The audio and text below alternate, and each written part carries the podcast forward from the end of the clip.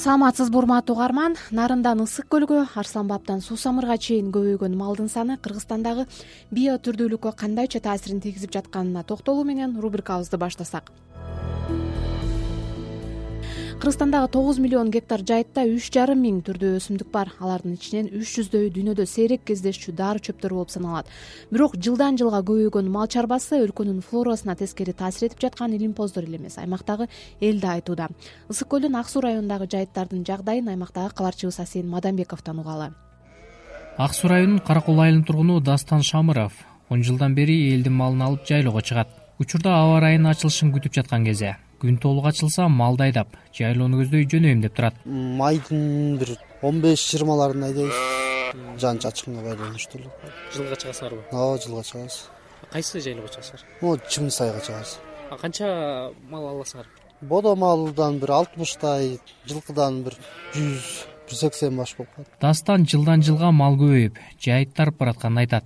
Жайытты ырааттуу пайдалануу үчүн алыскы жайлоолорго чыгууга туура келет. Бирок жол жоктугу чоң сууларга көпүрөлөр салынбаганынан жайыт котуруштура албай бир жерде гана туруп калып атабыз дейт. Бир аз тартычыраак жайыт мал көп чыккандар а мындай жайыт которбойсуңарбы жайыт которгонго деле шарт жок да кайдан бери жака чымын сайга чейин эле барганга проблема болуп калат андан ары баралы дейбиз. Жол жагы проблемараак болуп калат да. Бирок баягы жеген жерлериңер бат эле жерилип калат да анда ооба ошол ошол жагы эме болуп калат да. Бат мал көп болуп калат. Мал арыраак түшүп калат. Каракол айыл аймагынын жайыт комитети болуп иштеп келген рапыкчан калмамбетов малчылар жылда эле жакынкы жайлоолорго чыга берип жайыттар талкаланып сейрек кездешкен малга тоюмдуу чөп өспөй калып жатат дейт. Интенсивный пастбище деп коет ортоңку. Ош жэндегилер жылда эле баягы ош жең үйүлүп эле алыс кетпегендер көп болот да. Анан алыска отгонный жайлоолорго аз барышат малчыларчы анан көп жерлер пайдаланбай калат. Пайдаланбаган жерлер дагы өзүнчө бузула берет. Жеке эле жер тиги мал тиги жайылган жерлер эмес. Карабай баягы жылда эметилбесе ал жерлер дагы баягы ото чөптөр көбүрөөк эметилип ошондон дагы тиги немелер бузулушу мүмкүн да. Рабыкжан аксакалдын айтымында жайыттын сыйымдуулугуна учурдагы малдын саны төрт беш эсе көптүк кылат. Каракол айыл аймагынын жайытынын жалпы аянты он бир миң гектардан ашса анын кырк пайызына жакыны пайдаланылбай келет. Жайыттарды ырааттуу пайдалануу үчүн жер которуп эс алдырып керек болсо колдон келсе илгерки союздун ыкмасына салып үрөөн сээп турса деген оюн айтат. Илгери союз кезинде даже сепчү да немелерчи жайытка. Кадимкидей үрөөн неметтерипчи анан таштап бир эс алдырып ушундай эле жанакы айдоолордо жанакы сеп оборот деген сыяктуу эле ошол маанидегидей эле кылса болот. Бирок буга абдан көп аракет керек да. Ак суу райондук администрациясынын экономиканы өнүктүрүү инвестиция тартуу бөлүмүнүн башчысы баяэлин садабаевдин айтымында учурда район аймагында жакынкы жайыттарды жоготуп алуу коркунучу бар. Ошондуктан малчыларды алыскы пайдаланылбай жаткан жактарга чыгарууга үндөш керек дейт. Мына бүгүнкү күндө бизде үчтөн бир гана отуз пайызы гана пайдаланылып атат бул мындай пайдалануу биз жанагы жакынкы жайыттарды жоготуп алуу коркунучу турат да. Деградация болуп атат. Бул ушулндан э, мындай айтып айтуудан эмнегедир пайда бата болбой атат. Бирок былтыртан бери анча мынча уже орусча айтканда лед тронулся муз эрий баштады. Себеби дегенде уже алыскы жайыттарга көчкөндөр бирин экин бар. Быйыл ойлоп атабыз быйыл дагы көбөйбү депчи жайыт үчүн бир бодо малга бир жылга жүз сом төлөнсө ал эми майда жандыктарга жыйырма сом тегерегинде акы алынат.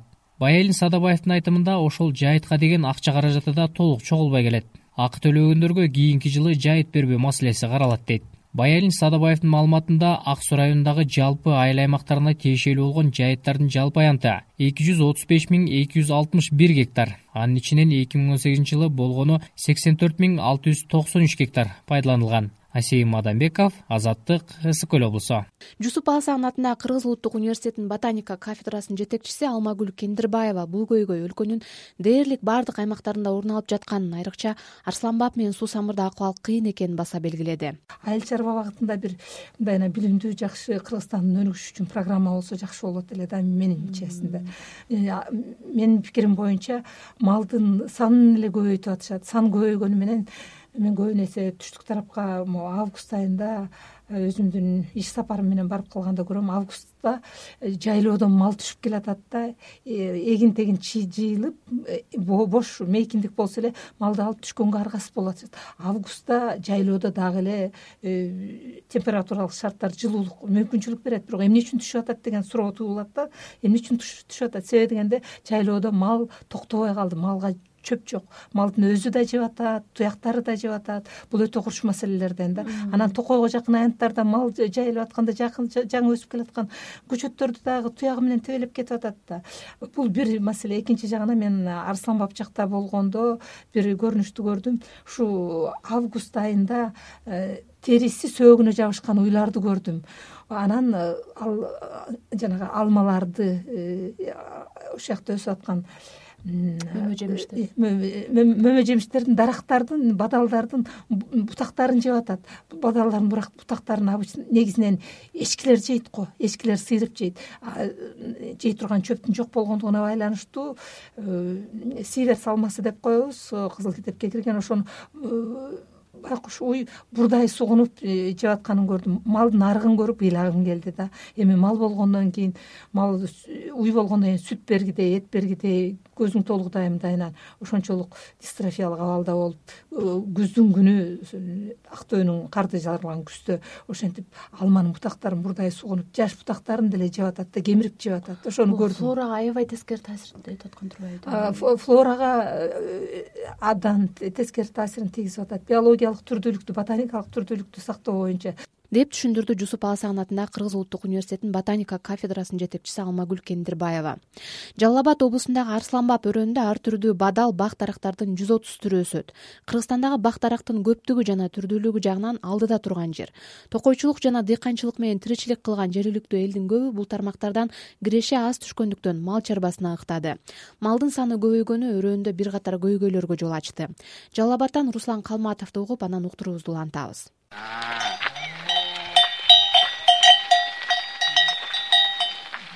жайлоого мен кош таш жайлоосуна чыгам.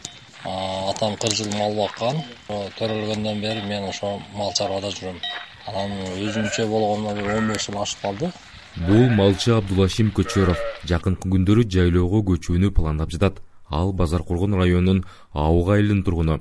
Аба ырайына байланыштуу кийинки жумада базар коргон районундагы кой таш жайлоосуна көчүп чыгат азыр ал элден чогулткан мал койлорун жакынкы жайыттарга багып жаткан учуру. Малды биз азыр мына өзүбүздүн жакын жайытта кармап турабыз элдин үлүшүндө.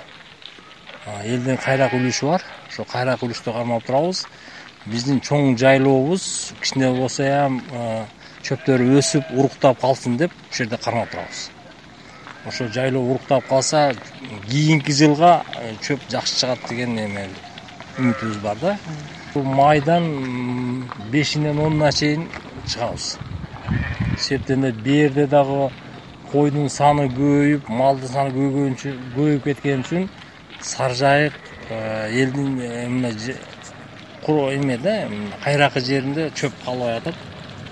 Айласыздан биз ошого барабыз чөп аякта өсүп калыптыр. Абдулашим акыркы он жылдан бери үй бүлөсү менен элдин мал коюн жайлоодо багып келет быйыл жайлоого чыгыш үчүн эки жүздөй мал жана миңден ашык кой чогултту жайыт үчүн жылына ижара акы гана төлөп келген малчы быйылкы жылдан тартып ар бир малдын башына акы төлөнө баштаарын айтат. Биз ар бир бул жылда биз гектарына төлөчү элек быйыл малдын башына төлөсүңөр деп жайтерек лесхозу бир жарым миллион карыз болуп калды. Ошонун кесепетинен жайтерек лесхозун жоюп кайтадан күнкана лесхозуна кошуп жүрдү жайтерек лесничий болчу да аны жоюп күнкана лесхозуна кошуп ошонун кесепесинен ошо бир жарым миллион карыздын кесепесинен биздин малдын башына төлөсүңөр деп атат эми э, бирок малдын башына эмеси чечиле элек баасы баасы чечилсе биз ошого эме кылып төлөйбүз малдын башына.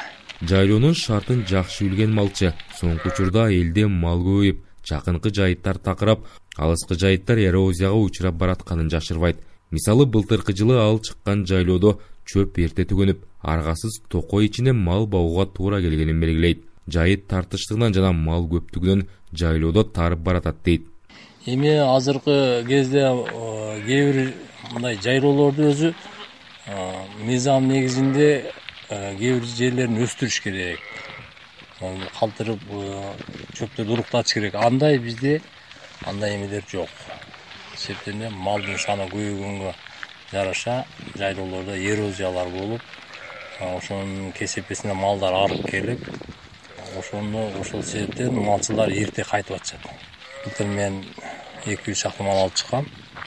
Бирок менде токой бар үчүн мал эттүү эле келген. Себептен токойду ошо барк сарил жеп кичине болсо жан сактайт акыркы мезгилде айдоо талааларын жетимиш үч пайыздан ашыгы жана жайыттардын жетимиш пайыздан ашуунун бөлүгү бузулууга дуушар болуп жаткандыгын адистер айтышат. Мурда жайыттарды колдонууну акырындык менен пайдаланып туруучу жылдык түрмөк схемасы колдонулуп келген. Буга ылайык кышкысын кыштоолордо жана жайкысын жайлоолордо ар башка жайыттар пайдаланылчу. Жайлоолорду ошол кээ бир эмелерин мал жайбай чөптөрдү өстүрүш керек. Ошол азыр андай бизде эме жок шарт жок. Себептен эле жайлоолор тарыды. Эле мал көбөйдү кой көбөйдү жылкы көбөйдү ошонун кесепетинен жайлоолор таарып мурун илгери бир эле малчы чыкчу эле. Азыр кем онта малчы чыгат да биздин жайлоо. Ошо дары чөптөр дагы жоголду алар уруктай албай калды. Чаңы чыгып жайлоолордун ошону эми ал үчүн малды кыскартыш керек. Элдин малын кыскартса ошондо жайлоолорго э, кээ бир жайлоолорду дем алтса анан ошондой кылса болот эми. Бирок ага мен кыргызстанда көзүм жетпейт. Руслан калматов азаттык жалал абад облусу. Жашыл планета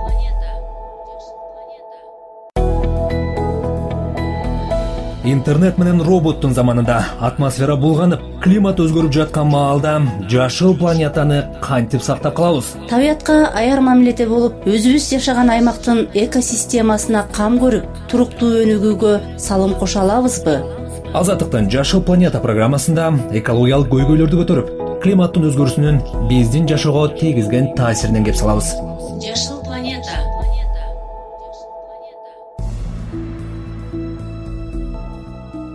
урматтуу угарман азаттык радиосунун жашыл планета түрмөгүн угуп жатасыз аны мен бактыгүл чыныбаева алып баруудамын. Биз бул ирет кескин көбөйгөн малдын саны өлкөдөгү био түрдүүлүккө кандай таасирин тийгизип жатканын талдап жатабыз. Элдин дээрлик токсон пайызы малчылык менен алектенген нарында жылдан жылга жайыт талаш курчуп барат.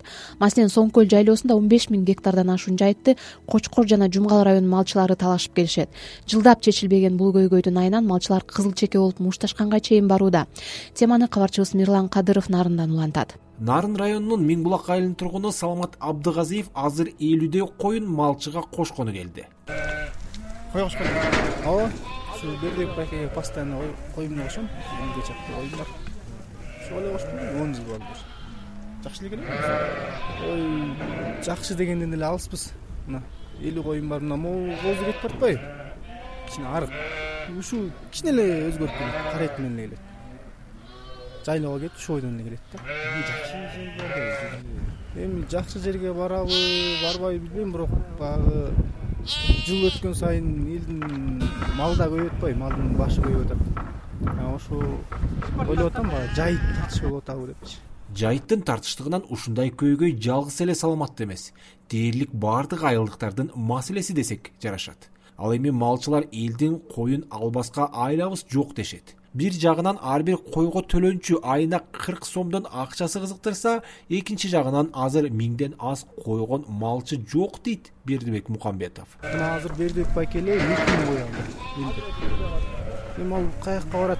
Бердибек байкенин кошунасы да бир эки миң кой менен келет да. Мына төрт миң кой бир жайытка жайлаш бул болбой калат го мурда жакшы эле экен. Ай мурда алып келгенде четинен кармап келгенде тим эле бажыратып короого кирип эле тандап эле алып азыр күзүнө келгенде анан буларга кайра жем берип байлап чыгам союш үчүн дагы бир эки ай керек. Ошентип кышка чейин башка деле жерлерде ушундай да. Башка деле жер ушундай. Эки миңден көп алгандар бар. азыр жайыттын тартыштыгынан өткөн жылы кочкор менен жумгал районундагы малчылардын ортосунда талаш күч алган.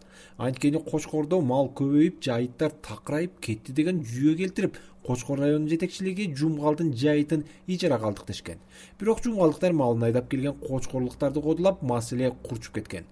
Кочкорлук малчы уларбек абдырасулов эми ал жерге барганда деген кымындай жерди бөлүп берип коюптур именно мен барган жерге э, мен отурганга болбойт себеби биздики деген э, племенный кой биздики плем заводмун мен өзүм жыйырма жылдан бери. Анан э, биздики баягы союздун тоо мереносу деген жаңы ат менен баягы меренос койбаган мен өзүм завод жетектейм. Анан ал жерге барганда мен кара кой менен отурганга болбойт да бизге. Бизге өзүнчө жайыт берилиш керек жайыт маселеси ошол аябай курчук боюнча калып атат. Маселе чечилбей атат жеринен эч ким барып бияка жайбайт эй тияка жай дейт кубалап атат эми сөңкөл жайлоосунда нарын облусунун жумгал ак талаа нарын жана кочкор районунун малчылары жайлашат. Ал эми аталган жайлоодо кочкор районуна тиешелүү он алты миң гектарга чукул жайыт бар. Өкмөттүн нарындагы өкүлчүлүгүнүн маалыматы боюнча учурда нарын облусунда бир миллион башка чукул майда жандык үч жүз миңден ашык уй жылкы баласы бар мирлан кадыров азаттык нарын облусу. Жашыл планета эки миң он үчүнчү жылдан бери малкүндүктү суу самыр өрөөнүн алты гана басып кеткен. Мамлекеттик жайыт департаменти жергиликтүү бийлик менен мындай бадалдык кантип жок кылаарын билбей бир топ убара тарткан. Окумуштуу алмагүл кендирбаева суу самыр жайытындагы био түрдүүлүк бузулгандыктан борбор азияда сейрек кездешкен алтыгананы жок кылууда жер кыртышы өсүмдүктөр дүйнөсү жабыркаарын эскертет. Бул тууралуу болсо айлана чөйрө коргоо министрлигинин кызматкерлеринин пикирин да угуп көрдүм окуп көрдүм. Андан сырткары кыргызстанда жайыт департаменти бар. Жайыт департаментинин адистерин жазганын окуп алып төбө чачым тик турду. Бул алтыгананы жоготуш керек дейт. Алтыгана ал алтыгананын түрү супендемик болуп саналат. Кыргызстандан башка өзбекстанда кездешет анан түштүк казакстанда кездешет. Ага биз химиялык ууларды да чачтырып көрдүк. Ага да моюн бербеген бадал экен. Бул кызыл китепке кирбегенден кийин жок кыла берсе болот деп. Кызыл китепке кирбегенин баарын эле жок кылып туруп анан кызыл китепке киргидей деңгээлге алып келишибиз керек керекпи? Адегенде маселенин түбүн караш керек да. Эмне үчүн алтыгана көбөйүп атат? Мен ушул суроого жооп бергим келет да. Себеби дегенде ош бишкек жолу ачылгандан кийин э, малдын саны дагы кескин көбөйө баштады. Малчылардын саны дагы ошо жол бойлоп э, отурукташа баштады. Чөп кылайып чыккандан баштап малдар тебелей баштады да. Мал жей турган чөптөрдүн баары жок болуп э, орун бошогондо алтыгана өзүнүн уругун чачып кеңирлей баштады. Бул өзүнүн аянтын кеңирлеткенинин себеби мурда эмне үчүн анчалык көп эмес болчу? Мурда башка тоюттук жактан баалуу көптөгөн өсүмдүктөрдүн түрлөрү өсүп бош экологиялык ниша бош орун жок болчу да бош орун болбогондугуна байланыштуу. Алтыгана өзүнүн гана белгилүү ареалын ээлеп белгилүү таралуу аймагында өсүп жаткан. Алыс жактан карасаң кара тактай болуп көрүнүп турат. Бул өтө баалуу өсүмдүк чанактуулардын тамырында клубен бактериялар жашайт да. Атмосферадагы инерттүү азотту өзүнө сиңирип алып топуракту азот менен байытып атпайбы? Топуракка биологиялык жактан таза азот жер семирткичин берип атат да. Анан эмне үчүн малчылар жок кылгылары келип атат? Себеби дегенде ошо алты гана жыш өскөн жерлердин баарына кой козу уй болобу кирип кетип атышат да. Эмне себептен кирип кетип атышат? Башка жерлерде чөп жок жей турган. Алтыгананын арасында жакшынакай чөптөр өсүп атат да. Тикенек сайганына карабай кой козу улактар кирип кетип атат. Кайра чыгайын десе курсагы тойгондон кийин чыга албай ошол жерде өлүп да калып атышпайбы. Анан уйлардын желиндеринин баары тең тикенекке айрылып кетип атат киргенден кийин. Э, малчылар үчүн зыян болуп атат. Э, суу самыр өрөөнүндө өсүп аткан алтыганалар биологиялык түрдүүлүктү сактаганга өз үлүшүн кошуп атышат. Себеби дегенде башка жерлердеги чөп өсүмдүктөрдүн түрлөрү кескин азайып кетип ошо алтыгананын арасында өсүмдүктөрдүн түрлөрү бай болуп атпайбы жей турган өсүмдүктөр дагы өзү гүлдөп урук э, байлап уругун чачып ал жердеги флоранын курамы бай болуп атат да. Терең карашыбыз керек да. Демек ошо малчылык менен алектенгендерге кандайдыр бир э, баягы өлкө тарабынан да бир саясат багыт берүү керек. Сапаттуу малчылык кылыш үчүн жакшы асыл тукумдагы малдын туягына эмес малдын башына эмес э, асыл тукумдагы малды бакканга умтулууга аракет кылса малдын санын көбөйтпөй сапаттык жагын көбөйткөнгө олуттуу көңүл бурулса биздин кыргызстанга өнүгүүгө өбөлгө түзөт эле да. Анан э, азыр батышта агрофорестри же болбосо агро токойчулук күчөп атат да. Э. ошол түшүнүктү кантип кыргызстанга жайылта алабыз. Ушу сиз айткан э. эле туура эмес малчылыкты ушул агро токойчулукка өткөзүп жиберсек экөөнү айкалыштырса болот беле. Кандай агро токойчулук боюнча бул тууралуу маалыматым меники бир миң тогуз жүз токсон алтынчы жылы кыргыз швейцариялык токой чарбасына колдоо көрсөтүү программасы иштеп кеткен эле да биздин кыргызстанда. Ошол убакта дагы көтөрүлгөн маселе эле да агро токойчулукту өнүктүрүү жайылтуу боюнча анан кыргызстандын түштүгүндөгү жаңгак мөмө жемиш токойлорун тогуз жылга арендага берүү маселеси дагы каралган эле да фергана жана чаткал э, тоо кыркаларындагы э, токойду сактап калууга э, өбөлгө ошол ошону менен эле бирге ошол жакта жашап аткан калктын жашоосу үчүн дагы каражат алуу мүмкүнчүлүгүн берүү. Токойлордун экме алма токойлорун алардын арасына шабдалыны отургузуп коюп шабдалы шабдалы тез өсөт да. Шабдалы өскөндөн кийин шабдалыны алмалардын арасындагы шабдалыларды отун катары жергиликтүү калкка пайдаланууга уруксат берүү бул багытында кагаз жүзүндө көптөгөн иштер жүргүзүлгөн а иш жүзүндө мен мындайынан азырынча байкай элекмин да. Улуттук статистика комитетинин эки миң он сегизинчи жылдагы эсеби боюнча кыргызстандагы кой эчки алты миллиондон жылкы беш жүз миң саан уй сегиз жүз миң ири мүйүздүү бодо мал бир жарым миллион чочко элүү миңден ашкан үй канаттуулар алты миллиондон ашуун. Берлиндеги гумбольд университетинин окумуштуусу улан касымов борбор азиядагы суу жана жайыт жайлоо темаларын көп жылдан бери иликтеп жүрөт. Анын sustainability деп аталган илимий журналга чыккан макаласында бир миң тогуз жүз токсон биринчи жылдан тарта москванын жетегинен кутулуп колхоз совхоздон арылган кыргызстанда жайыттарды тескеген саясат жок. Ал тургай жайлоо кыштоого кетчү жолдор бузулуп мал чарбачылыгы оор кризиске кабылганын акыры эки миң тогузунчу жылы кыргыз парламенти жайыт боюнча мыйзамдарды кабыл алганын жазган. Ошондой эле борбордук евразиянын окумуштуулары менен медиа өкүлдөрү аттуу басылмага эки миң он төртүнчү жылы окумуштуу касымов эки миң тогузунчу жылы өкмөттүн жайыттарды жөнгө келтирүү саясаты түп тамырынан өзгөрдү. Анын негизги максаты малчылык тармагында пайда болгон социалдык жана айлана чөйрө маселелерин чечүү болгон. Жайыттарды көзөмөлдөө үчүн жайыт комитети түзүлдү. Жаңы мыйзам болсо мурдагыдай жайыттарды көп жылдык ижарага берип койгондун ордуна малчыларды мал башына салык төлөө менен чектелүүгө милдеттендирди деп жазган германиядагы илимпоз мекендешибиз улан касымов. Урматтуу угарман жашыл планета берүүсүн уктуңуз аны бул ирет аймактардан мирлан кадыров асийин маданбеков руслан калматов жана бишкектен мен бактыгүл чыныбаева даярдадым. Саламатта туруңуз